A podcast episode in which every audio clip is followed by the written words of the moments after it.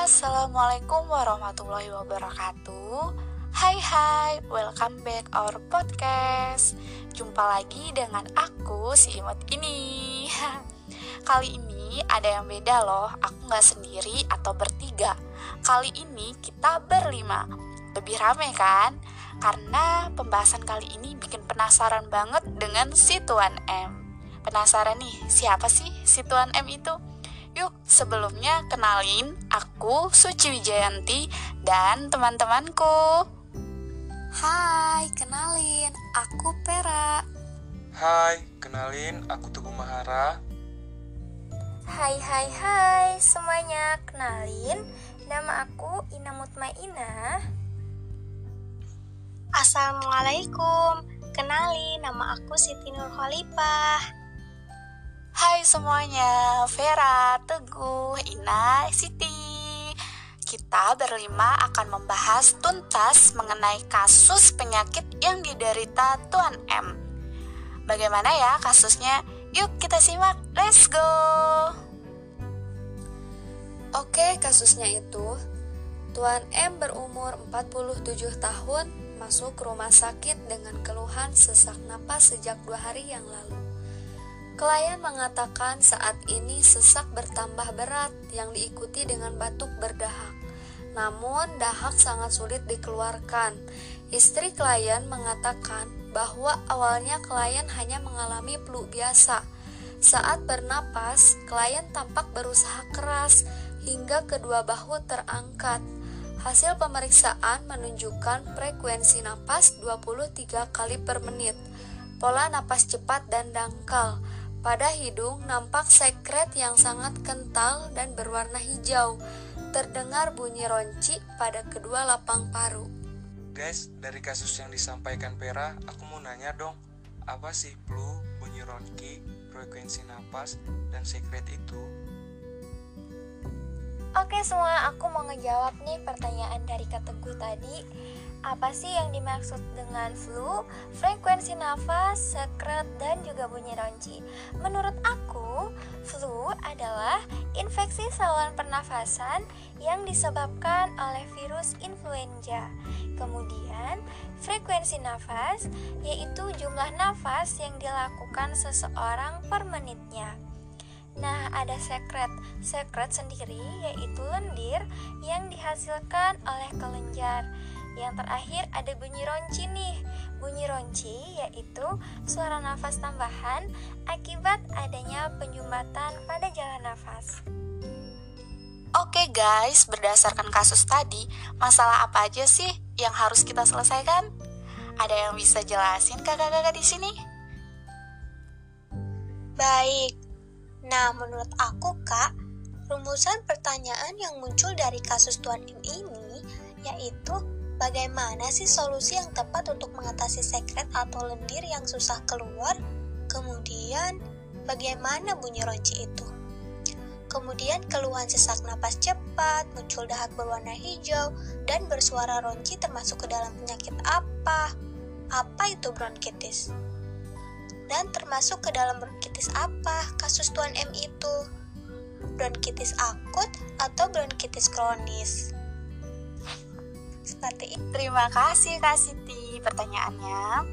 Nah, kakak-kakak, untuk menjawab beberapa rumusan masalah yang disampaikan oleh Kak Siti tadi, sebelumnya kita harus tahu dulu nih bagaimana sih proses keperawatan yang harus dilakukan terhadap Tuan M. Mulai dari pengkajian, diagnosa, intervensi, implementasi, sampai tahap evaluasi. Oke, jadi untuk proses keperawatan yang paling pertama kita ketahui yaitu pengkajian. Nah, dari pengkajian yang dilakukan ada dua data yang kita peroleh yaitu data subjektif dan objektif.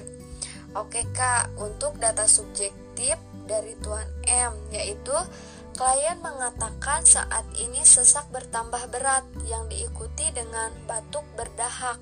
Namun dahak sangat sulit dikeluarkan. Istri klien mengatakan bahwa awalnya klien hanya mengalami flu biasa, sedangkan data objektifnya yaitu Saat bernapas, klien tampak berusaha keras hingga kedua bahu terangkat. Hasil pemeriksaan menunjukkan frekuensi napas 23 kali per menit, pola napas cepat dan dangkal. Pada hidung nampak sekret yang sangat kental dan berwarna hijau. Terdengar bunyi ronci pada kedua lapang paru. Nah, gitu Kak untuk tahap pengkajiannya. Nah, dari pengkajian yang dipaparkan oleh Kak Vera tadi, aku mau lanjutin. Apa aja sih diagnosa keperawatan yang akan dilakukan pada Tuan M? Diagnosanya yang pertama, bersihan jalan napas tidak efektif, berhubungan dengan peningkatan produksi mukus atau sekret. Kedua, pola nafas tidak efektif, berhubungan dengan kelelahan otot pernapasan. Dan yang ketiga yaitu kurangnya pengetahuan berhubungan dengan penyakit yang ada di keluarga. Oke teman-teman semua, untuk proses keperawatan yang selanjutnya yaitu intervensi yang gak kalah pentingnya. Kalau gue tadi udah jelasin diagnosa dari Tuan M, sekarang aku mau bahas apa aja sih intervensi atau perencanaan yang dilakukan pada klien M ini? Untuk perencanaan yang pertama, berikan obat sesuai dengan kekentalan sekret, lalu bersihan jalan nafas, lakukan auskultasi bunyi nafas, catat adanya obstruksi jalan nafas, kaji atau pantau frekuensi pernafasan, posisikan pasien memaksimalkan ventilasi, jelaskan pada pasien dan keluarga tentang penggunaan peralatan seperti O2, suction, dan juga inhalasi. Lalu, observasi adanya tanda-tanda hipoventilasi. Monitor adanya kecemasan terhadap oksigenasi dan monitor vital sign. Banyak meminum air seperti 2 liter per harinya. Nah, selanjutnya Gambarkan tanda dan gejala yang biasa muncul pada penyakit dengan cara yang tepat. Nah, yang terakhir, kita kaji tingkat pengetahuan pasien dan juga keluarga pasien. Baik, selain melakukan diagnosa dan intervensi, kita juga harus melakukan sebuah tindakan atau implementasi untuk pasien, yaitu yang pertama memberikan obat sesuai dengan kekentalan sekret berupa penggunaan cairan, kemudian yang kedua membersihkan jalan napas pasien, yang ketiga melakukan auskultasi bunyi napas, catat adanya dengan obstruksi jalan napas dan bunyi napas. Kemudian yang keempat, memantau frekuensi pernapasan pasien. Yang kelima, memposisikan pasien yaitu dengan posisi semi-folder. Yang keenam, menjelaskan pada pasien dan keluarga tentang penggunaan peralatan seperti O2, suction, dan inhalasi. Kemudian yang ketujuh, mengobservasi adanya tanda-tanda hipoventilasi. Yang kedelapan, memonitor adanya kecemasan pasien terhadap oksigenasi. Yang kesembilan, memonitor vital sign dan yang ke-10 menganjurkan pasien minum banyak air yaitu sekitar 2 liter per hari. Kemudian yang ke-11, menggambarkan tanda dan gejala yang biasa muncul pada penyakit dengan cara yang tepat. Kemudian yang ke-12, mengkaji tingkat pengetahuan pasien dan keluarga pasien.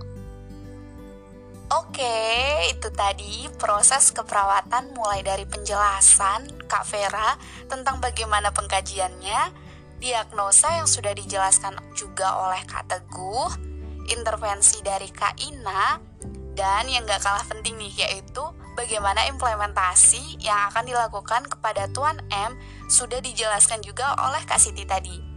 Nah, gimana teman-teman? Proses keperawatan yang sudah dijelaskan oleh kakak-kakak tadi. Semoga jelas ya. Selanjutnya nih, dari analisis kasus Tuan M tadi, ada muncul beberapa pertanyaan. Bagaimana solusi yang tepat untuk mengatasi sekret atau lendir yang susah keluar? Bagaimana juga bunyi ronki, terus keluhan sesak napas cepat, muncul dahak berwarna hijau, dan bersuara ronki termasuk dalam penyakit apa ya? Apa itu bronkitis? Dan termasuk ke dalam bronkitis apakah kasus di atas? Bisa bronkitis akut atau kronik nih? Oke kakak-kakak boleh Oke kakak-kakak boleh dibantu jawab nih Nah, dari aku sendiri nih mau menjawab juga. Pertanyaannya, bagaimana sih bunyi ronki itu? Bunyi ronki merupakan suara napas tambahan yang bernada rendah yang terjadi akibat adanya penyumbatan jalan napas, biasanya akibat adanya lendir. Ronki dapat terjadi pada inspirasi, pada saat mengambil napas, maupun ekspirasi, contohnya seperti ngorok. Lalu pertanyaan selanjutnya nih. Keluhan sesak napas cepat, muncul dahak berwarna hijau, dan bersuara ronki pada Tuan M. Mengarah ke penyakit apa sih? Menurut aku, untuk kasus Tuan M, termasuk penyakit bronkitis karena penyakit yang diderita oleh pasien berdasarkan atau keluhan yang dirasakan seperti sesak napas, batuk berdahak, dan dahak sulit untuk dikeluarkan. Terdapatnya sekret pada hidung dan terdengarnya suara ronki. Nah, gitu kakak-kakak. Berdasarkan jawaban dari Kak Teguh tadi, aku mau ngejelasin mengenai pertanyaan tentang apa sih bronkitis itu. Menurut aku, Bronkitis adalah peradangan yang terjadi pada saluran utama pernafasan atau bronkus. Bronkus berfungsi sebagai saluran yang membawa udara dari dan menuju paru-paru. Seseorang yang menderita bronkitis biasanya ditandai dengan munculnya gejala batuk yang berlangsung selama satu minggu atau lebih. Bukan itu aja loh, Bronkitis juga terbagi menjadi dua jenis. Apa aja sih? Yang pertama ada namanya bronkitis kronis dan yang kedua bronkitis akut. Bronkitis akut bentuk umum dari bronkitis memiliki gejala yang berlangsung beberapa minggu dan tidak akan menimbulkan masalah setelah waktu tersebut. Nah, sedangkan bronkitis kronis, bentuk yang lebih serius dari penyakit bronkitis tadi, bronkitis kronis ini akan terus datang kembali dan tidak akan pergi. Nah, gimana teman-teman? Udah jelas kan jawaban dari kakak-kakak yang luar biasa tadi mengenai beberapa pertanyaan yang muncul pada kasus Tuan M tadi? Oh, jadi persoalan-persoalan yang belum bisa diselesaikan dalam diskusi tersebut yaitu gejala, penyebab, penegakan diagnosis, dan komplikasi pengobatan ya kak? Nah, benar Kak Siti, evaluasi keperawatan didapatkan masih ada satu masalah keperawatan yang belum teratasi. Ini dikarenakan proses penyakit yang harus didukung dengan kolaborasi dari dokter untuk penggunaan obat secara farmakologi untuk bisa mendapatkan hasil yang lebih akurat dan dalam proses farmakologi ini harus membutuhkan waktu pengobatan yang cukup lama. Masalah-masalahnya sebagai berikut seperti pasien masih merasakan sesak napas di bagian dada, terus pola napas pasien masih cepat dan dangkal, dan terakhir nih, suara Rongki masih terdengar. Nah, dari diskusi kali ini kakak-kakak ada yang bisa nyimpulin gak nih mengenai kasus dari Tuan M ini? Nah, dari hasil diskusi kelompok dan proses keperawatan yang telah dilakukan pada Tuan M telah didapatkan hasil sebagai berikut yaitu pasien mengeluhkan sesak napas sejak dua hari lalu Klien mengatakan saat ini sesak bertambah berat yang diikuti dengan batuk berdahak, namun dahak sangat sulit dikeluarkan. Bukan hanya itu, istri klien juga mengatakan bahwa awalnya klien hanya mengalami flu biasa. Setelah itu, hasil pemeriksaan menunjukkan frekuensi napas 23 kali per menit, pola napas cepat dan dangkal. Pada hidung, nampak sekret yang kental, dan berwarna hijau. Terdengar bunyi ronki pada kedua lapang paru.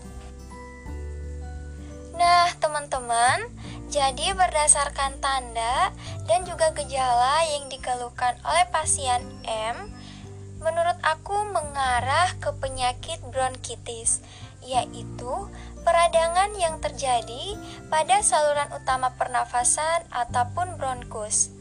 Nah, bronkus sendiri berfungsi sebagai saluran yang membawa udara dari dan menuju paru-paru. Untuk seseorang yang menderita bronkitis, biasanya ditandai dengan adanya muncul gejala batuk yang berlangsung selama satu minggu ataupun lebih. Baik, berdasarkan diagnosa dan intervensi pada keperawatan Tuan M ini, tindakan dan implementasi yang dilakukannya yaitu berupa membersihkan jalan napas, melakukan auskultasi bunyi napas, mencatat adanya dengan obstruksi jalan napas dan bunyi napas, kemudian memantau frekuensi pernapasan, memposisikan pasien dengan posisi semi-fowler, sehingga hasil evaluasi yang didapatkannya yaitu Tuan E mengatakan, sesak ini bertambah berat yang diikuti dengan batuk berdahak. Namun, dahak sangat sulit dikeluarkan dan pasien masih mengalami sesak napas di bagian dada, sehingga intervensi proses keperawatan pada Tuan M ini dilanjutkan karena pasien belum teratasi atau belum sembuh sepenuhnya. Berdasarkan kasus pasien Tuan M tersebut, akan dilakukan pemeriksaan lab untuk lebih memastikan dengan pasti jelas mengenai penyakit yang diderita oleh pasien. Pemeriksaan lab yang dilakukan yaitu pemeriksaan cek darah dan sputum. Oke, teman-teman semua, itu tadi penjelasan dari kakak-kakak kita kelompok 8 mengenai kasus Tuan M. Semoga dari penjelasan tadi dapat dimengerti ya. Jika ada kesalahan ataupun kekurangan dari yang sudah disampaikan kami berlima, mohon maaf ya. Karena di sini kita semua saling belajar dan saling melengkapi satu sama lain. Mungkin podcast kali ini cukup ya teman-teman. Jangan lupa nih, tungguin podcast kita selanjutnya. Bakalan ada pembahasan-pembahasan yang bermanfaat dan lebih menarik lagi dari kami. Kami kelompok 8 pamit undur diri ya. Wassalamualaikum warahmatullahi wabarakatuh. Bye bye semuanya.